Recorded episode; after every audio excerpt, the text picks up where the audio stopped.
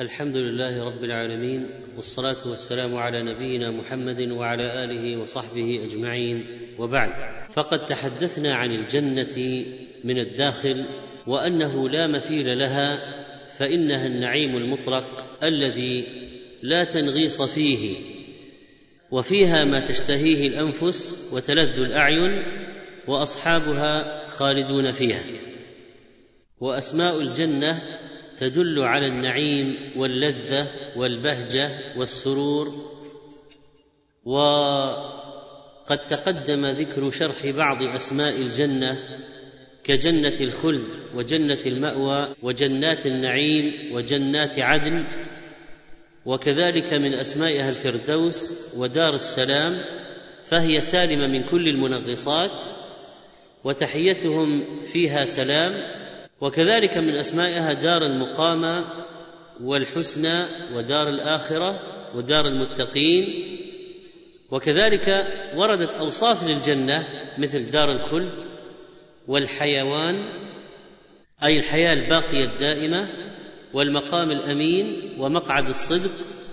وكذلك فإن بناء الجنة من لبن من ذهب ولبن من فضة وما بين اللبن الملاط هو من المسك الأذفر وأيضا فإن الحصباء والتربة في الجنة من اللؤلؤ والياقوت والزعفران والمسك. وقد تحدثنا عن مساكن الجنة ومنها الغرف والقصور والخيام وأن غرف الجنة مبنية بعضها فوق بعض وأما خيام الجنة فكل واحدة من لؤلؤة واحدة.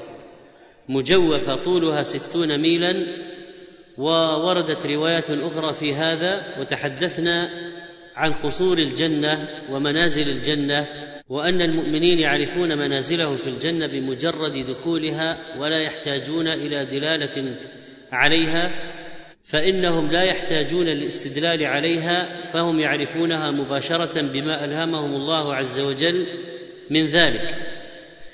وأيضا فإن هناك سبل للحصول على قصور ومنازل في الجنة مثل بناء المساجد وقراءة قل هو الله أحد عشر مرات وصلاة ثنتي عشرة ركعة غير الفريضة.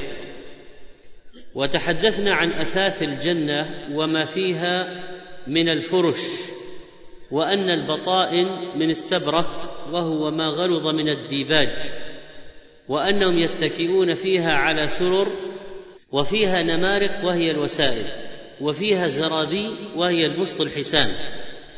ثم تحدثنا عن آنية أهل الجنة التي يأكلون فيها ويشربون وعن أجناسها وصفاتها وأنها من ذهب وفضة خالصة ومن أنواعها الصحاف وهي القصعة الواسعة وأن آنية الشرب فيها الأكواب وهي الكيزان العظام التي لا آذان لها ولا عرى وأما الأباريق فهي من الأواني أيضا في الجنة لها خراطيم ولها بياض الفضة وصفاء الزجاج.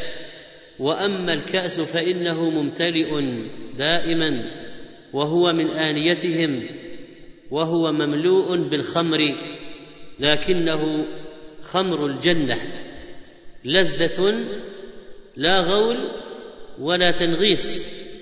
ما هو النور في الجنة؟ الجنة شيء آخر وعالم يختلف عن هذه الدار.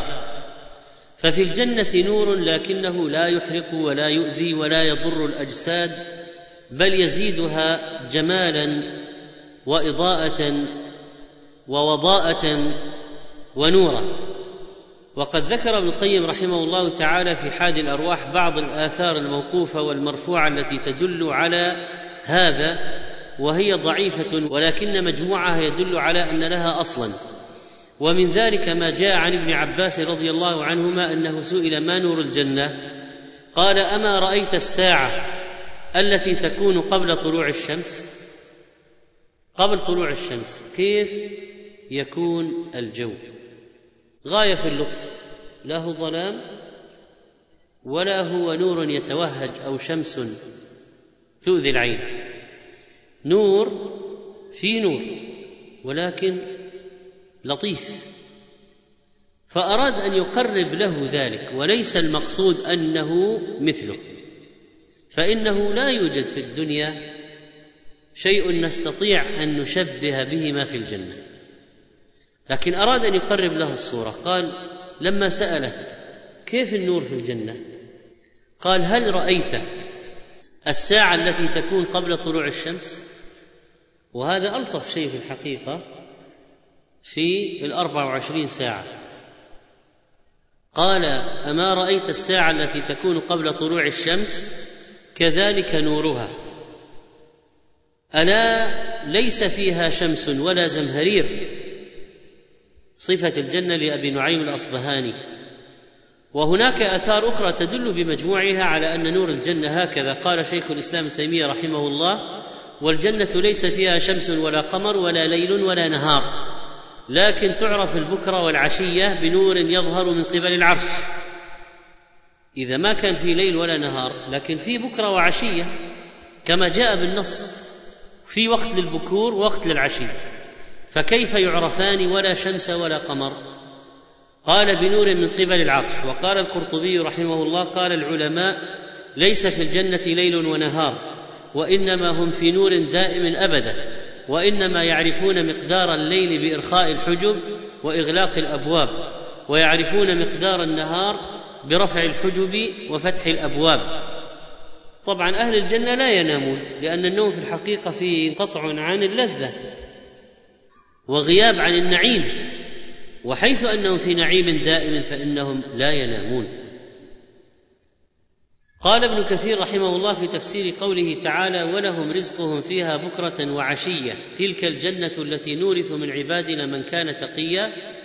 قال أي في مثل وقت البكرات ووقت العشيات لا أن هناك ليلا ونهارا ولكنهم في أوقات تتعاقب يعرفون مضيها بأضواء وأنوار. تفسير من كثير. في جنة سطعت أنوارها وجرت أنهارها خلل الأشجار والقطر. في جنة بسقت حيطانها ودنت أغصانها ذللا بالظل والثغر. في جنة نفحت بالمسك بين يدي ريحانها ونسيم الروح في الشجر. في جنة آمنت واطمأنت وسخت فيها النفوس من الآفات والغير. طوبى لساكنها إذ صار مغتبطا بالخلد في نعم تبقى بلا كدر. طوبى لساكنها طوبى لقاطنها طوبى لباطئها طوباه بالظفر. ما هي الأوقات في الجنة؟ وما هي الأزمان؟ قال تعالى ولهم رزقهم فيها بكرة وعشية. قال ابن جرير رحمه الله لهم طعامهم وما يشتهون من المطاعم والمشارب وقت البكرة ووقت العشي من نهار أيام الدنيا. قال في قدر وقت البكرة ووقت العشي من نهار أيام الدنيا. إذا يريد أن يقول إن المقصود المقدار. مقدار البكور ومقدار العشي.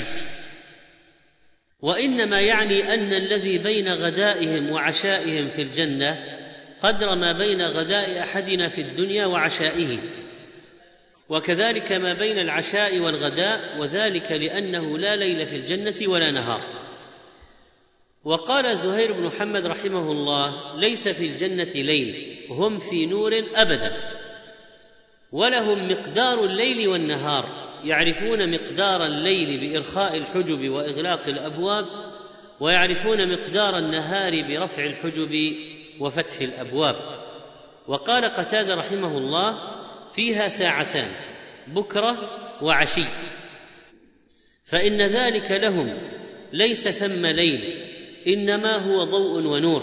تفسير الطبري. ومثل ما جاء عن أبي هريرة رضي الله تعالى عنه قال أن النبي صلى الله عليه وسلم قال في وصف الزمرة الأولى الذين يدخلون الجنة قلوبهم قلب واحد يسبحون الله بكرة وعشية. رواه البخاري. قال الحافظ بن حجر رحمه الله في تفسير بكرة وعشية قال أي قدرهما يعني قدر البكور وقدر العشي. الأصل أن هنالك بكرة وعشي. كيف تعرف؟ الله أعلم. تعرف بعلامات آه، تكون في الجنة. وقال بعضهم المقصود المقدار. وما لون الجنة؟ هل في لون غالب داخل الجنة؟ قال الله تعالى مدهامتان. قال ابن منظور وحديقة دهماء مدهامة خضراء تضرب إلى السواد من نعمتها وريها. وفي التنزيل العزيز مدهامتان أي سوداوان من شدة الخضرة من الري. يقول خضراوان إلى السواد من الري وقال الزجاج يعني أنهما خضراوان تضرب خضرتهما إلى السواد. وكل نبت أخضر فتمام خصبه وريه أن يضرب إلى السواد. والدهمة عند العرب السواد مدهامتان. وإنما قيل للجنة مدهامة لشدة خضرتها. يقال اسودت الخضرة أي اشتدت لسان العرب. فاذا اللون داخل الجنة مدهامتان أخضر شديد الخضرة. أخضر شديد الخضرة. وقال ابن عباس قد اسودتا من الخضرة من شدة الري من الماء. وعنه أيضا وعن غيره من الصحابة والتابعين أنهم قالوا خضراوان. وقال قتادة خضراوان من الري ناعمتان. فما هي الرائحة داخل الجنة؟ عن عبد الله بن عمرو عن النبي صلى الله عليه وسلم قال من قتل معاهدا لم يرح رائحة الجنة وإن ريحها توجد من مسيرة أربعين عاما. رواه البخاري. وفي رواية لأحمد والنسائي وإن ريحها ليوجد من مسيرة سبعين عاما وصححه الألباني. وجاء أيضا عند الطبراني في الكبير عن أبي هريرة مرفوعا قال وإن ريح الجنة توجد من مسيرة مئة عام. وصححه الألباني أيضا. وقال عليه الصلاة والسلام ونساء كاسيات عاريات من أهل النار يذكر أهل النار. ونساء كاسيات عاريات مميلات مائلات. ورؤوسهن كاسنمه البخت المائلة لا يدخلن الجنة ولا يجدن ريحها. ريحها لا يوجد من مسيرة كذا وكذا. رواه البخاري. قال ابن حجر رحمه الله وهذا اختلاف شديد. يعني هناك رواية أربعين عاما وأخرى سبعين عاما وأخرى مئة عام وأخرى كذا وكذا. فكيف نجمع بينها؟ قال والذي يظهر لي في الجمع أن يقال إن الأربعين أقل زمن يدرك به ريح الجنة من في الموقف والسبعين فوق ذلك والخمسمائة ثم الألف أكثر من ذلك ويختلف ذلك باختلاف الأشخاص والأعمال. إذا أقل مسافة توجد منها ريح الجنة أربعين عام. وتوجد من أكثر من ذلك. أو يقال هذا يختلف باختلاف الأشخاص. فبعض الأشخاص يجدون ريح الجنة من مسيرة مئة عام. وبعضهم يجدون مسيرة سبعين وبعضهم يجدها مسيرة أربعين. فكلما قوي إيمانه مثلا وازدادت مرتبته وارتفعت درجته فهو يجد ريح الجنة من بعيد.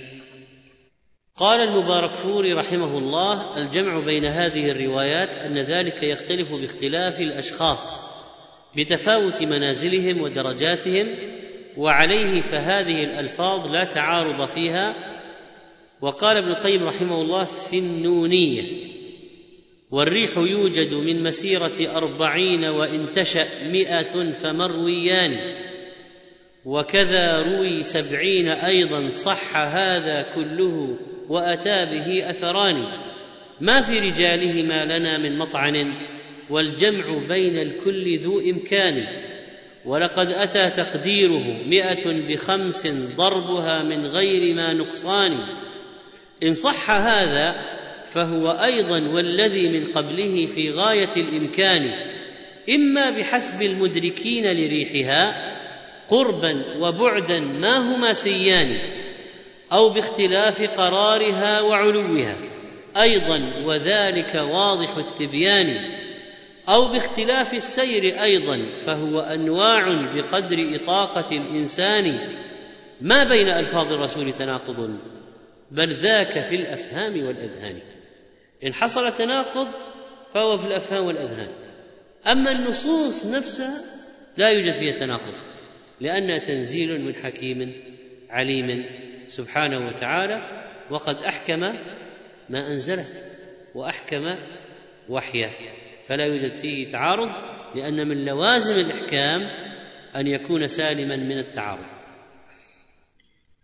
ثم نحن قد ندرك الجمع وقد لا يدرك وجه الجمع بين النصوص أو سبيل التوفيق بينها فإذا لم نعلم نرد الأمر إلى الله. هل هناك رائحة خاصة معلومة معينة في الجنة؟ علمنا أن الريح توجد من بعيد لكن ريح ماذا؟ جاء عن عبد الله بن عمرو أن النبي صلى الله عليه وسلم قال سيد ريحان أهل الجنة الحناء. رواه عبد الغني المقدسي رحمه الله في السنن من طريق الطبراني عن عبد الله بن الإمام أحمد وصححه الألباني في سلسلته. ورواه ابن قتيبة أيضا في غريب الحديث بلفظ سيد ريحان أهل الجنة الفاغية. وعن أبي العالية قال أكثر رياحين الجنة الحناء. ابن أبي شيبة. والفاغية نور الحناء وزهرتها وهي من أطيب الرياحين. فنحن نعرف أن الحناء نبات. النبت هذا له زهرة له أزهار. رائحة الأزهار هذه هي الفاغية. هل هناك أناس يحرمون من ريح الجنة؟ نعم. عن معقل بن يسار قال سمعت النبي صلى الله عليه وسلم يقول ما من عبد استرعاه الله رعية فلم يحطها بنصيحة إلا لم يجد رائحة الجنة. رواه البخاري. وعن ابن عباس قال قال رسول الله صلى الله عليه وسلم يكون قوم يخضبون في آخر الزمان بالسواد يصبغون بالسواد. قال كحواصل الحمام لا يريحون رائحة الجنة. رواه أبو داود وهو حديث صحيح.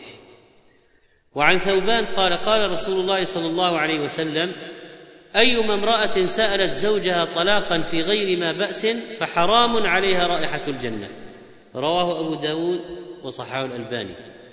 وعن أبي هريرة قال قال رسول الله صلى الله عليه وسلم من تعلم علما مما يبتغى به وجه الله عز وجل لا يتعلمه إلا ليصيب به عرضا من الدنيا لم يجد عرف الجنة يوم القيامة. ما معنى عرف الجنة؟ يعني ريح الجنة. رواه أبو داود وابن ماجه. هناك إذا أحاديث وردت ونصوص في حرمان ناس من رائحة الجنة لذنوب اقترفوها وأمور أصروا عليها. لكن أهل الإيمان عند الموت تكون لهم رائحة زكية لأنهم أهل الجنة. قال تعالى فأما إن كان من المقربين فروح وريحان وجنة نعيم. قال الطبري رحمه الله وأما الريحان فإنه عندي الريحان الذي يتلقى به عند الموت. كما قال أبو العالية والحسن ومن قال في ذلك نحو قولهما. لأن ذلك الأغلب والأظهر من معانيه. قالوا فأرواح المقربين تخرج من أبدانهم عند الموت بريحان تشمه. هل يشم ريح الجنة في الدنيا؟ قال ابن القيم رحمه الله وريح الجنة نوعان. ريح يوجد في الدنيا تشمه الأرواح أحيانا لا تدركه العبارة يعني لا يمكن لكلام أن يصفه. لا تدركه العبارة. وريح تدرك بحاسة الشم للأبدان كما تشم روائح الأزهار وغيرها. وهذا يشترك أهل الجنة في إدراكه في الآخرة من قرب وبعد. وأما في الدنيا فقد يدركه من شاء الله من أنبيائه ورسله. وهذا الذي وجده أنس بن النضر رضي الله عنه يجوز أن يكون من هذا القسم وأن يكون من الأول. النونية في شرحها. وقد جاء في الصحيحين في قصة أنس بن النضر يوم أحد وقوله واها لريح الجنة أجده دون أحد قال فقاتلهم حتى قتل. فوجد في جسده بضع وثمانون من بين ضربة وطعنة ورمية. فريح الجنة وجدها أنس رضي الله عنه حقيقة. أقرب من جبل احد لماذا لم يجدها البقية؟ لأن الله بلغه وأوصل إليه هذه الرائحة ريح الجنة. فيمكن أن يحصل لبعض أولياء الله في الدنيا أن يجدوا ريح الجنة وخصوصا قبل الموت. هل يوجد في الجنة دواب؟ كيف يتنقل أهل الجنة من مكان إلى مكان؟ هنالك دواب في الجنة وطيور وخيول وجمال ولكنها ليست كدواب الدنيا والتشابه إنما هو في الاسم فقط.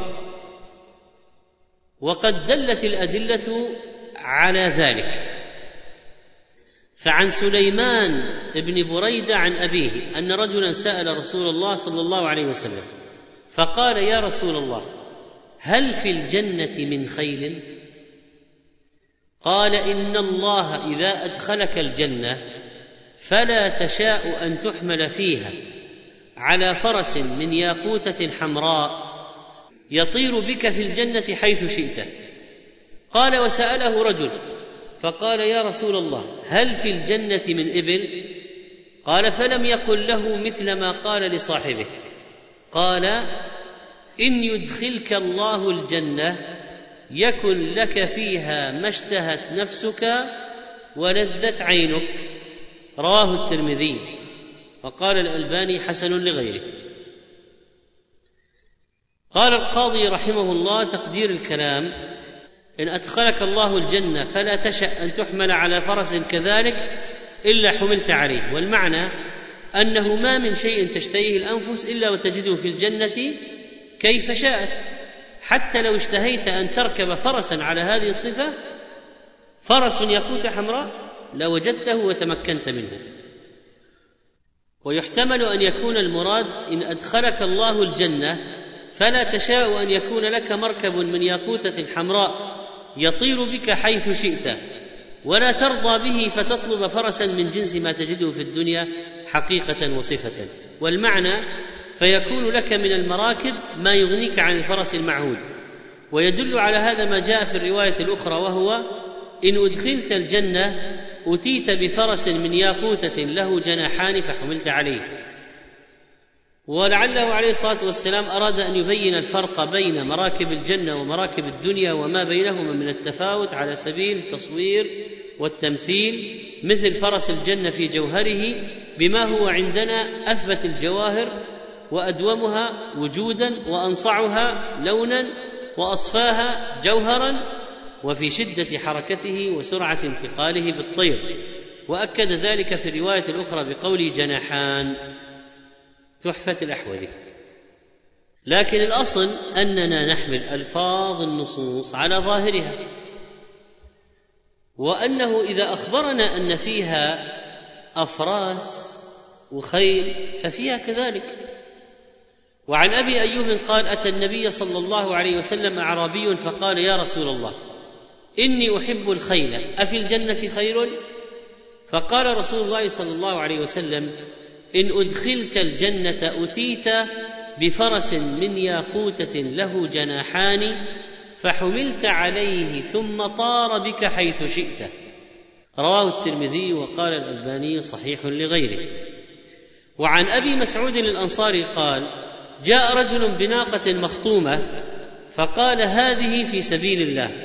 فقال رسول الله صلى الله عليه وسلم لك بها يوم القيامة سبعمائة ناقة كلها مخطومة. رواه مسلم.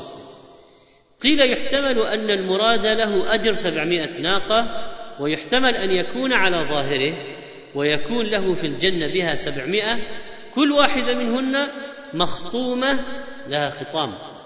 يركبهن حيث شاء للتنزه كما جاء في خيل الجنة ونجبها وهذا الاحتمال أظهر والله أعلم النووي على شرح مسلم. إذن نوق حقيقية. وكذلك فإن من دواب الجنة الثابت وجودها فيها بالنصوص الصحيحة الغنم. فعن ابن عمر رضي الله عنهما قال قال رسول الله صلى الله عليه وسلم الشاة من دواب الجنة رواه ابن ماجه قال الألباني صحيح. وعن حميد بن مالك بن خثيم أنه قال كنت جالسا مع أبي هريرة بأرضه بالعقيق فأتاه قوم من أهل المدينة على دواب فنزلوا عنده ثم قال فلما انصرفوا قال يا ابن أخي من المقصود؟ حميد.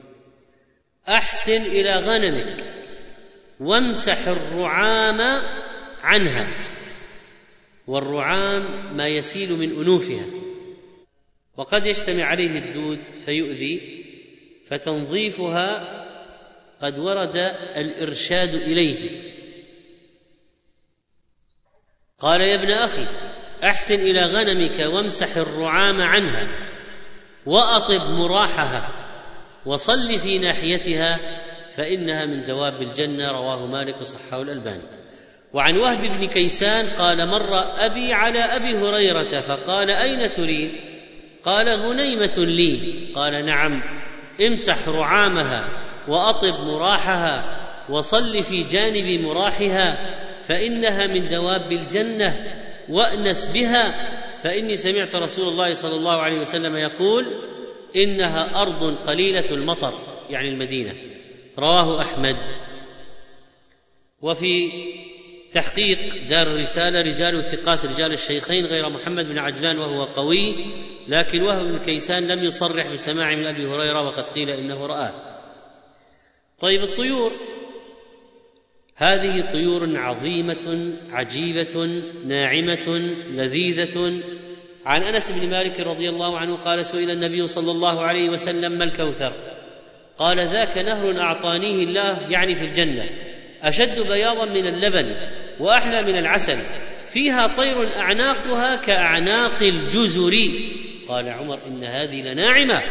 فقال عليه الصلاة والسلام أكلتها أحسن منها. رواه الترمذي وأحمد وصححه والالباني قال في التحفة فيها طير أعناقها كأعناق الجزر أي في ذلك النهر أو في أطرافه في نهر الكوثر أو في أطرافه. والجزر جمع جزور وهو البعير. اذا هذا عنق الطائر بهذا العظم. وقول إن هذه أي الطير لناعمة أي سمان مترفة. هذا معنى ناعمة كما في النهاية. إن هذه الطيور يشتهي المؤمن لحمها فتأتيه جاهزة مشوية قال الله تعالى ولحم طير مما يشتهون ننتقل الآن إلى أشجارها وثمارها وفواكهها. هنالك حدائق وبساتين وجنات. قال عز وجل إن للمتقين مفازا حدائق وأعنابا والحدائق جمع حديقة وهي الجنة من النخيل والأشجار ذوات الساق المحوطة بحائط أو جدار أو حظائر كما قال ابن عاشور في التحرير والتنوير في تفسير الآية.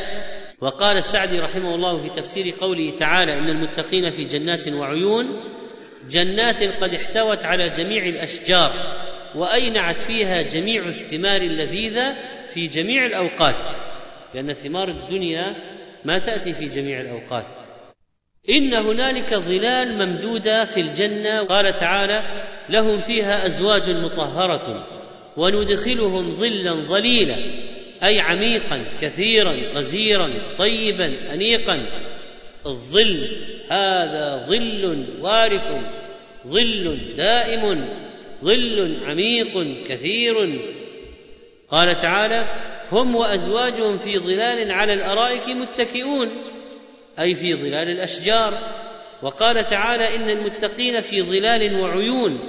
وقال تعالى وظل ممدود. فلما قال ممدود علمنا أنه لا ينحسر كظل الدنيا لأن ظل الدنيا ينحسر ويتقلص. أما ظل الجنة ممدود لا ينحسر ولا يتقلص. كيف يكون ظل وليس هناك شمس. الله على كل شيء قدير. قال أبو هريرة رضي الله عنه يبلغ به النبي صلى الله عليه وسلم قال إن في الجنة شجرة يسير الراكب في ظلها مائه عام لا يقطعها. واقرأوا إن شئتم وظل ممدود. رواه البخاري ومسلم. إذا هذا ظل الأشجار ممدود حتى أن الراكب يسير في ظل هذه الشجرة مئة عام لا يقطع. ما أطوله؟ ما أعظمه؟ طيب الجنة هذه بما أن فيها أشجار هل يكون فيها عيدان مثلا؟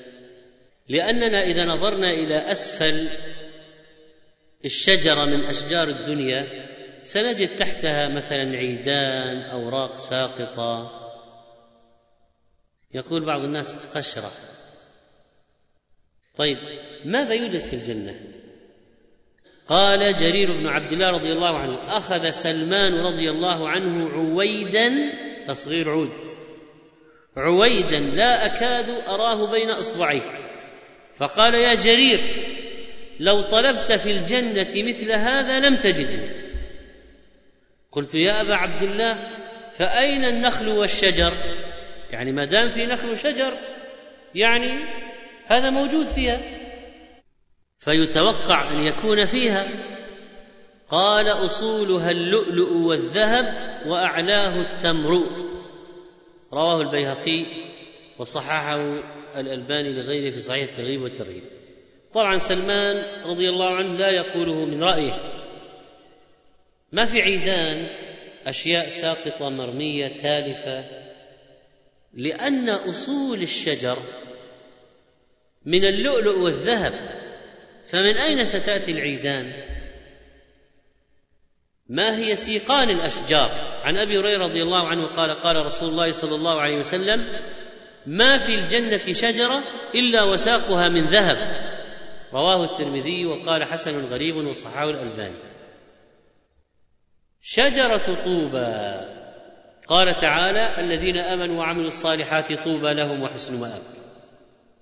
اختلف السلف في تفسيره على أقوال. يعني تفسير طوبى لهم فقال بعضهم خير لهم نعم ما لهم غبطة لهم فرح وقرة عين. قال ابن كثير رحمه الله وهذه الأقوال شيء واحد لا منافاة بينها. وقيل معناه الجنة لهم يعني طوبى اسم للجنة. وقيل معناه شجرة في الجنة اسمها طوبى وهو الذي جاءت به السنة ومال إليه الطبري رحمه الله. قال ابن عطية وقيل اسم شجرة في الجنة وبهذا تواترت الأحاديث وحكى الطبري أخبارا مقتضاها أن هذه الشجرة ليس دار في الجنة إلا وفيها من أغصانها. وأنها تثمر بثياب أهل الجنة وأنه يخرج منها الخيل بسروجها ولجمها ونحو هذا مما لم يثبت سنده. المحرر الوجيز. فما الذي ثبت من هذا؟ عن أبي سعيد الخدري عن رسول الله صلى الله عليه وسلم أن رجلا قال له يا رسول الله طوبى لمن رآك وآمن بك. فقال طوبى لمن رآني وآمن بي ثم طوبى ثم طوبى ثم طوبى لمن آمن بي ولم يرني. قال أو رجل وما طوبى؟ قال شجرة في الجنة مسيرة مئة عام ثياب أهل الجنة تخرج من أكمامها. رواه أحمد وحسنه الألباني. وعن عتبة بن عبد السلمي رضي الله عنه قال جاء أعرابي إلى النبي صلى الله عليه وسلم فسأله عن الحوض وذكر الجنة. ثم قال الأعرابي فيها فاكهة؟ قال نعم. قال وفيها شجرة تدعى طوبى. فذكر شيئا لا أدري ما هو. قال أي شجر أرضنا تشبه؟ قال ليست تشبه شيئا من شجر أرضك. فقال النبي صلى الله عليه وسلم أتيت الشام؟ يقول الأعرابي أتيت الشام؟ فقال لا. قال تشبه شجرة بالشام تدعى الجوزة. تنبت على ساق واحد وينفرش أعلاها. قال ما عظم أصلها؟ قال لو ارتحلت جذعة من إبل أهلك ما أحاطت بأصلها حتى تنكسر ترقوتها هرما. رواه أحمد والطبراني والصحاح الألباني. إذا النبي عليه الصلاة والسلام قرب ذلك في ذهن الأعرابي بهذه الشجرة شجرة الجوز التي تكون بالشام وتنبت على ساق واحدة وينفرش أعلاها وأصلها عظيم ولو أن راحلة أرادت أن تحيط بأصلها وتدور حولها تنكسر رقبتها هرما وما أحاطت بأصلها. اللهم اجعلنا في ظلها يا رب العالمين. وقد جاء في حديث أبي هريرة السابق إن في الجنة شجرة يسير الراكب في ظلها مئة عام لا يقطعها واقرأوا إن شئتم وظل ممدود رواه البخاري. وجاء في رواية لمسلم أيضا مرفوعا إن في الجنة شجرة يسير الراكب الجواد المضمر السريع مئة عام ما يقطعها. مئة عام ما يقطعها. ما هي سدرة المنتهى؟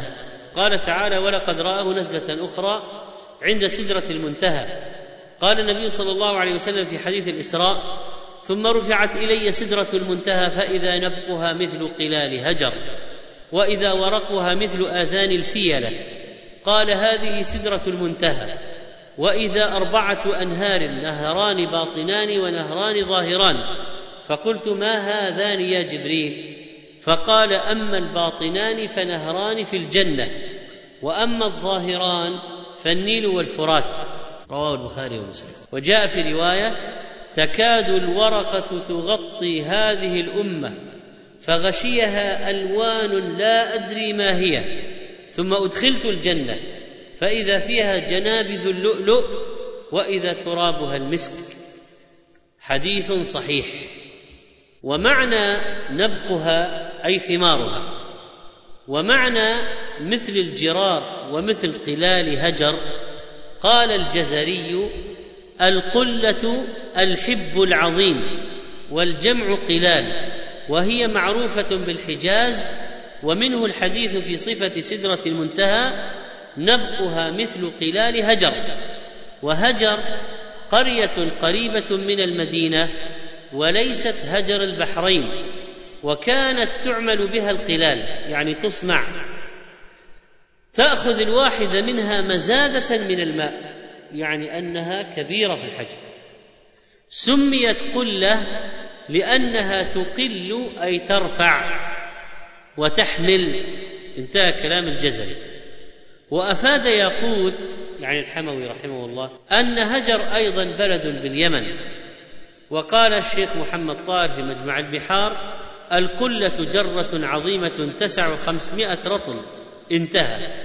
وقوله والجنابذ جمع جنبذة وهي القبة. إذا هذه الجنة فيها هذه الأشجار التي الثمرة الواحدة منها مثل قلال هجر.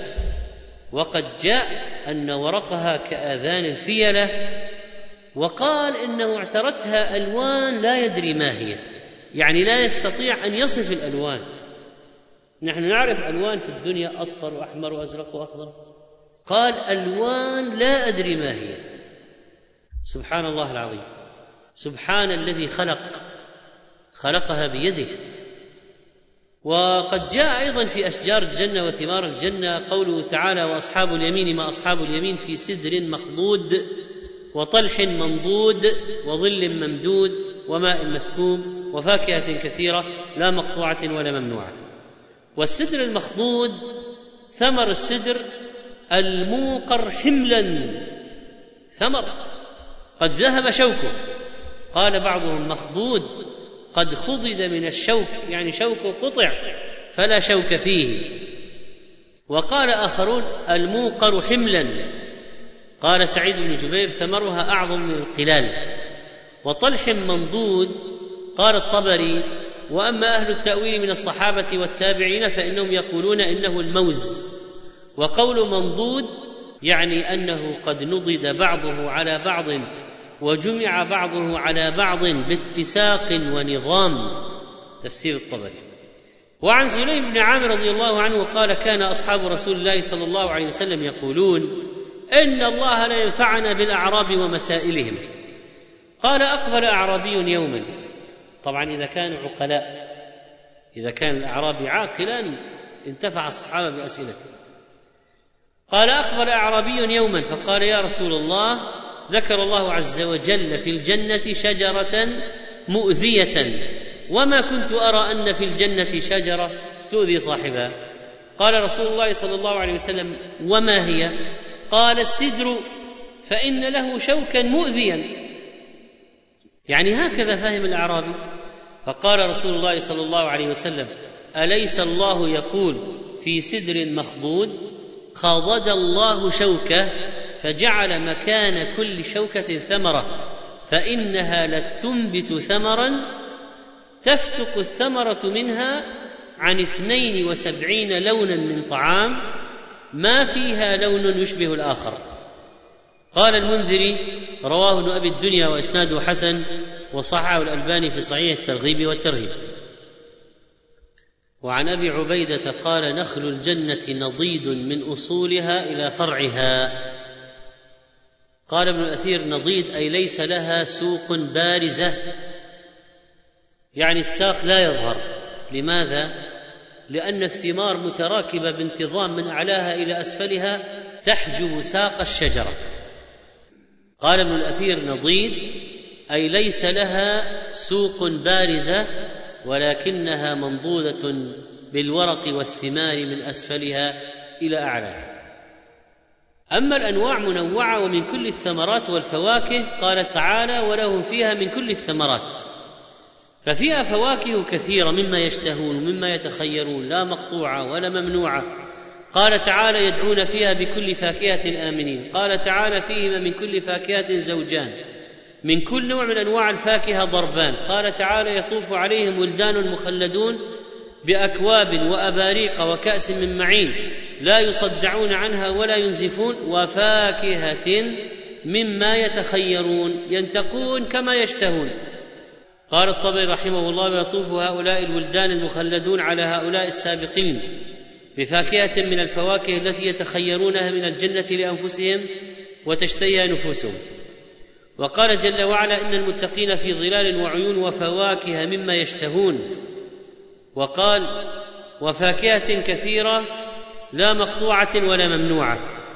فاكهة كثيرة لا ينقطع عنهم شيء منها أرادوه في أي وقت من الأوقات كما قال الطبري لا تنقطع كما تنقطع فواكه الصيف في الشتاء في الدنيا ولا يمنعهم منها ولا يحول بينهم وبينها شوك على أشجارها أو بعدها عنهم.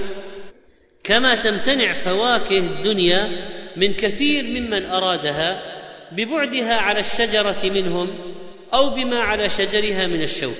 ولكن يعني فواكه الجنة إذا اشتهاها أحدهم وقعت في فيه أو دنت منه حتى يتناولها. قال قتادة لا يمنعه شوك ولا بعد. وقد قال الله تعالى قطوفها دانية قريبة تنزل إليه ليقطف منها ما يشاء. وفي علاقة بين الشهوة النفسية في نفسه وبين نعيم الجنة. ففي تفاعل كامل حيث أن ما يشتهيه يحصل من غير أن يعبر أو يطلب أو يقول هاتوا لي كذا.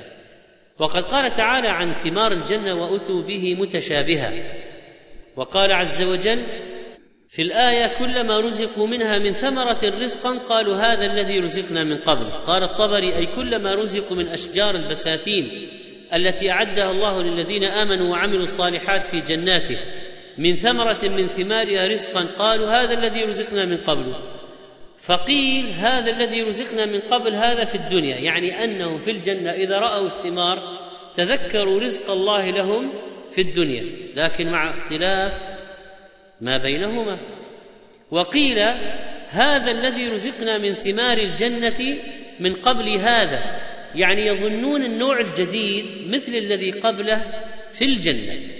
يظنون أنهم ذاقوه قبل قليل أو من قبل ذاقوه ولكنه يختلف. ولذلك قال المفسرون عن سبب ظنهم قالوا لشدة مشابهة بعض ذلك في اللون والطعم بعضا.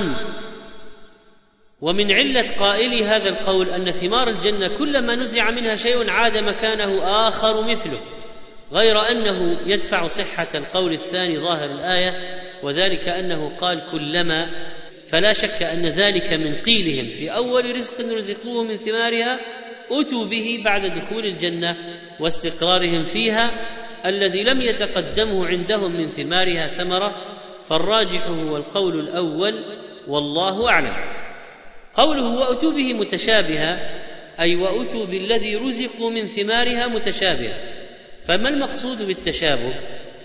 لا شك أنه كله طيب هل ثمار الجنة متشابهة في اللون دون الطعم أم في اللون والطعم؟ أم المقصود التشابه بين ثمار الجنة وثمار الدنيا كما قال بعضهم؟ قال الطبري وأولى هذه التأويلات بتاويل الآية تأويل من قال وأتوا به متشابها في اللون والمنظر والطعم مختلف. اذا اللون والمنظر متشابه والطعم مختلف. قال يعني بذلك اشتباه ثمر الجنة وثمر الدنيا في المنظر واللون. مختلفا في الطعم والذوق.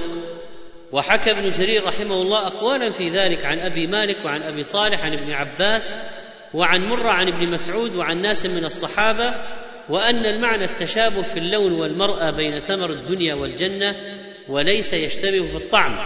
الطعم مختلف واللون في تشابه.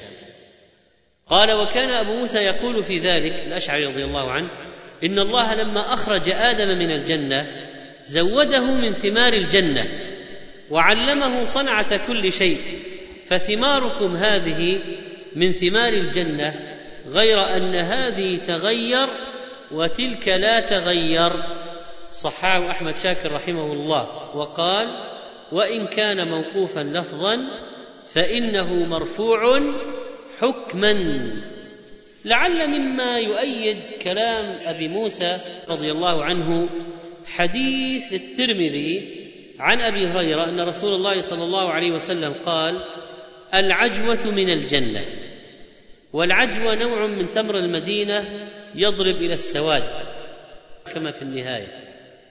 وقول من الجنة اختلفوا ما معناه. فقال المناوي يعني هذه العجوة تشبه عجوة الجنة في الشكل والاسم لا في اللذة والطعم. وقال بعضهم العجوه من الجنة يعني أصلها من الجنة. انها فعلا نزلت من الجنة. وعلى حديث أبي موسى أن هنالك ثمار أو أشياء نزلت من الجنة مع آدم عليه السلام فالمساله إذن متوافقة. لكن إذا أخرج الشيء من الجنة يتغير. وهذا الحجر الأسود والركن اليماني ياقوتتان من يواقيت الجنة. لكن لما أخرجا من الجنة طمس الله نورهما. فإذا تغير عن يواقيت الجنة. فياقوت الجنة ليس مثل هذا. وإن كان هذا منه فاذا يمكن أن يخرج الشيء من الجنة أو ينزل من الجنة ويتغير طبعه في الأرض. من أشهر أشجار الجنة النخل والعنب والرمان. قال تعالى فيهما فاكهة ونخل ورمان. قال يونس بن حبيب وغيره كررهما وهما من أفضل الفاكهة تشريفا لهما وإشادة بهما. وعن أبي عبيدة قال نخل الجنة نضيد من أصولها إلى فروعها وثمرها أمثال القلال كلما نزع الثمر عادت مكانها أخرى وأنهارها تجري في غير أخدود والعنقود اثنا عشر ذراعا. فقلت لأبي عبيدة من حدثك؟ فغضب وقال مسروق الزهد لابن المبارك وكذلك في الزهد لهناد. قال ابن الأثير نضيد أي ليس لها سوق بارزة ولكنها منضودة بالورق والثمار من أسفلها إلى أعلاها. والقلال جمع كل وهي الجره العظيمة كما في النهاية لابن الأثير. وعن ابن عباس رضي الله عنهما قال نخل الجنة جذوعها من زمرد أخضر.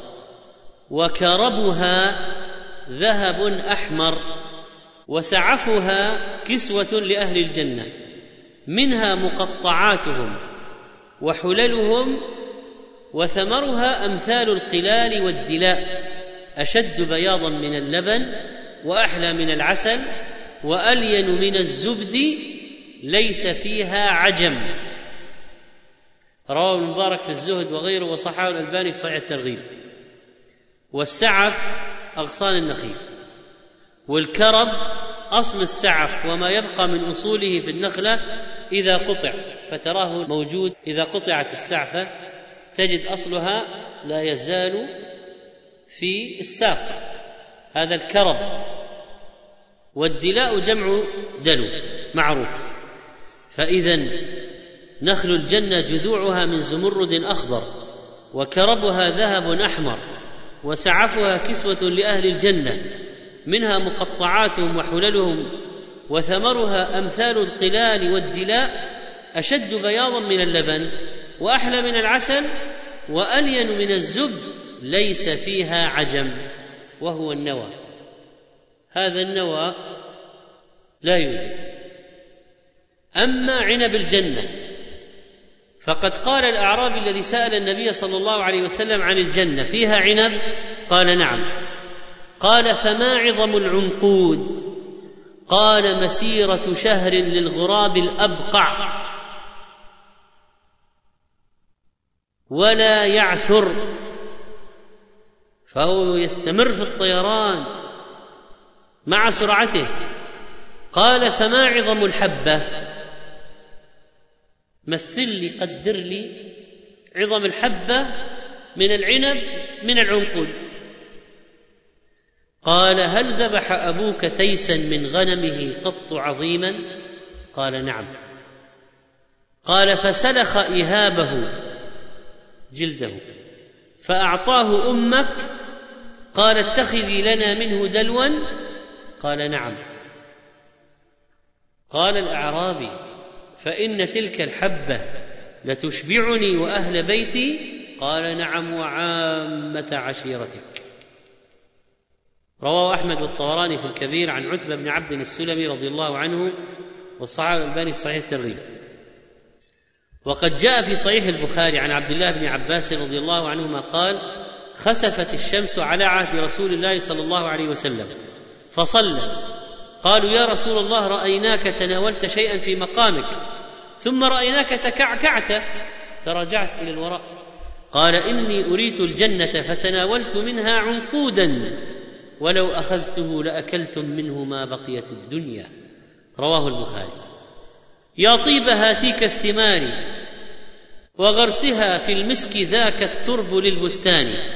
وكذلك الماء الذي يسقى به يا طيب ذاك الورد للظمآن. فأي نعيم بعد هذا النعيم وأي تجارة رابحة بعد هذه التجارة؟ فيا أيها القلب الذي ملك الهوى أزمته حتى متى ذا التلوم وحتام لا تصحو وقد قرب المدى ودانت كؤوس السير والناس نوم؟ أهذا هو الربح الذي قد كسبته؟ لعمرك لا ربح ولا الأصل يسلم. كيف يكثر المسلم من شجره في الجنة؟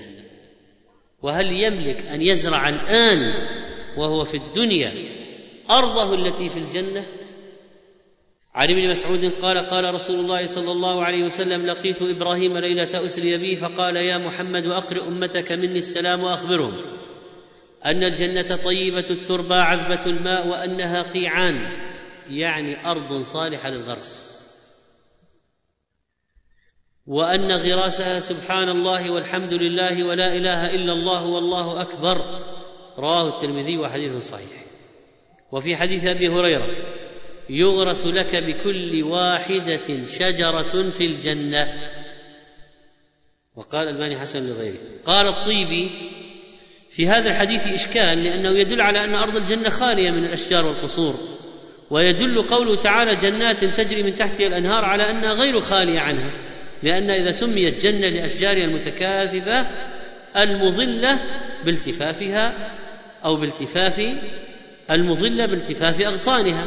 قال القاري وأجيب أيضا بأنه لا دلالة في الحديث على الخلو الكلي من الأشجار والقصور لأن معنى كونها قيعانا أن أكثرها مغروس وما عداه منها أمكنة واسعة بلا غرس فليغرس بتلك الكلمات ويتميز غرسها الأصل الذي بلا سبب وغرسها المسبب عن تلك الكلمات. تحفة الأحوذي إذا آه ليس معنى الحديث أنها قيعان يعني أنه لا شجر فيها لكن فيها أماكن معدة للزرع تزرعها الآن إذا دخلت يكثر شجرك عما كان قبل التسبيح والذكر. يكون أكثر. فتريد مزيدا من الأشجار عليك بمزيد من الذكر. وسبحان الله وبحمده تغرس له بها نخلة في الجنة.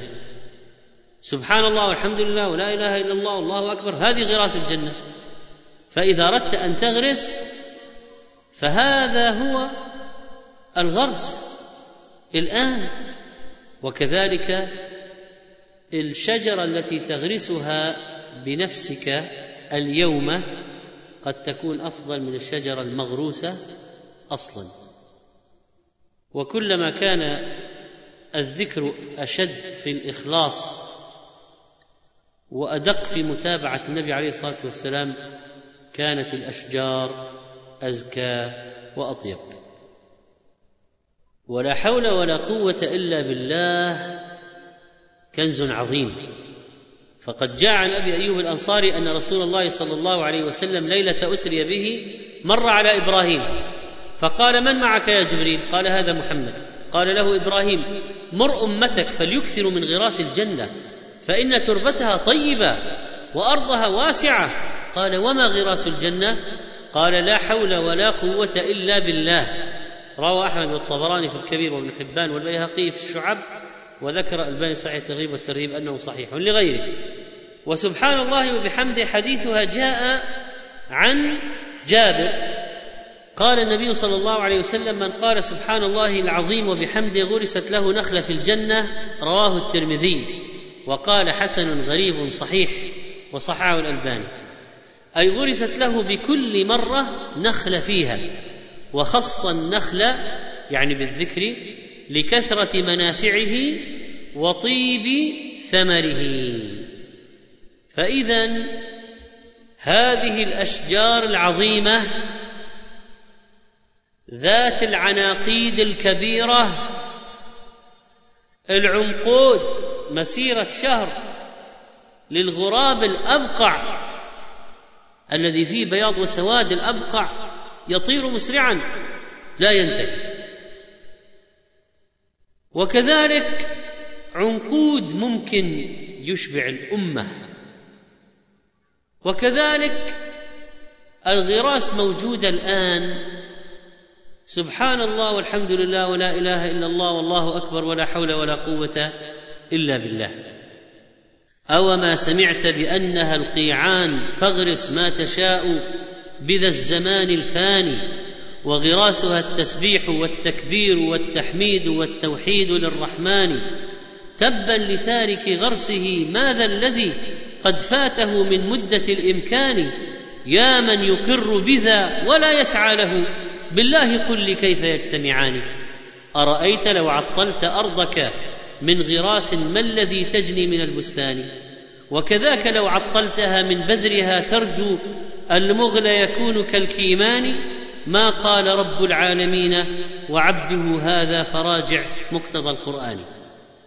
ما قال لك توقف عن العمل أو لا تعمل أو عطل نفسك عن الذكر بل قال اذكر اذكر ربك فاذكروني ولذكر الله أكبر.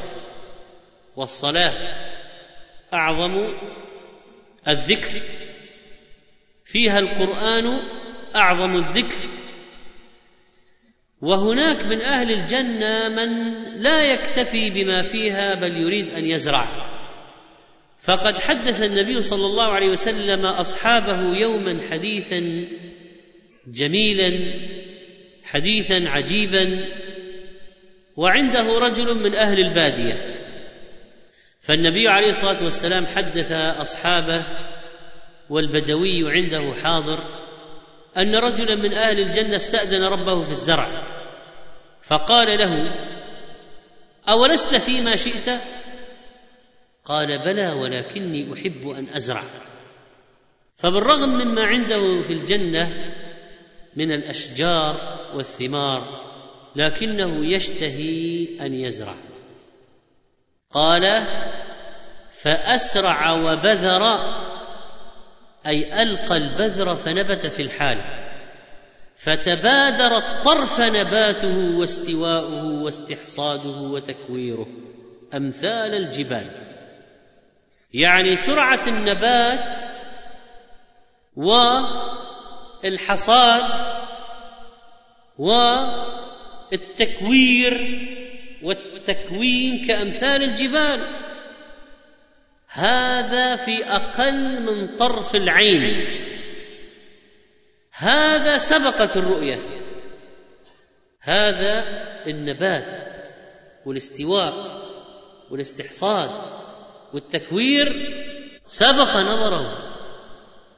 فيقول الله تعالى دونك يا ابن آدم فإنه لا يشبعك شيء. فقال الأعرابي يا رسول الله لا تجد هذا إلا قرشيا أو انصاريا. فإنهم أصحاب زرع. فأما نحن فلسنا بأصحاب زرع. فضحك رسول الله صلى الله عليه وسلم. الحديث رواه البخاري. اذا الاعرابي قال هذا الرجل هذا الذي حدثتنا عنه من أهل الجنة هذا ما هو من البادية. هذا ناس الناس يزرعون أنصاري. ولعل هذا أيضا رجل من الباديه قد فاته ما حال قريش بمكة ومكة أصلا ليست بذات زرع. قال ابن حجر وفي هذا الحديث من الفوائد أن كل ما اشتهي في الجنة من أمور الدنيا ممكن فيها. قاله المهلب وفيه وصف الناس بغالب عاداتهم قاله ابن بطال. وفيه أن النفوس جبلت على الاستكثار من الدنيا وفيه إشارة إلى فضل القناعة وذم الشره وفيه الإخبار عن الأمر المحقق الآتي باللفظ الماضي. وقال أيضا واستشكل قوله لا يشبعك شيء بقوله تعالى في صفة الجنة إن لك ألا تجوع فيها ولا تعرى. وأجيب بأن نفي الشبع لا يوجب الجوع لأن بينهما واسطة يعني مرحلة وسط وهي الكفاية. وأكل أهل الجنة للتنعم والاستلذاذ لا عن الجوع واختلف في الشبع فيها. يعني هل يشبع أهل الجنة؟ هل يصلون مرحلة الشبع أم لا؟ والصواب أنه لا شبع فيها إذ لو كان لمنع دوام أكل مستلذ. والمراد بقوله لا يشبعك شيء جنس الآدم وما طبع عليه فهو في طلب الازدياد إلا من شاء الله تعالى. اذا أهل الجنة لا يشبعون لأن الشبع لا يأكل بعده صاحبه. خلاص شبع. ولكنهم لا يجوعون.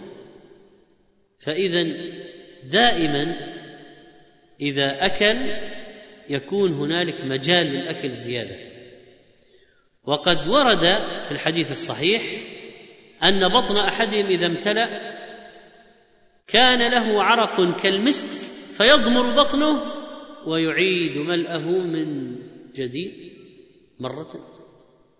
فهو في لذة الأكل دائما. فهذا نعيم الجنة لا تنغيص فيه. وأكل الدنيا ما ملأ آدمي وعاء شرا من بطنه. فلا بد أن يوجد فيه تنغيص. إما أن ينقطع وإما أن يضره أكله وإما أن يشبع فيضره الشبع وإما أن يجوع ولا يجده أصلا. ويتحسر عليه ففي الجنة كل هذا متوفر الطعام والثمار والأنواع. إنك تجد العجب. إنها إذا قطفت خرج مكان أخرى. كذلك فهي دانية وقريبة. كذلك إذا تشابه اللون فالطعم مختلف. وكذلك فإنه لا يشبع منها. وهذا لعمر الله من النعيم المقيم واللذة العظيمة. اللهم إنا نسألك بأنك أنت الله الحي القيوم الأحد الصمد الذي لم يلد ولم يولد ولم يكن له كفوا أحد يا ذا الجلال والإكرام أن تدخلنا جنات النعيم وأن تجعلنا فيها من عبادك الفائزين وأن تدخلنا برحمتك في القوم الصالحين وصلى الله على نبينا محمد وعلى آله وصحبه أجمعين.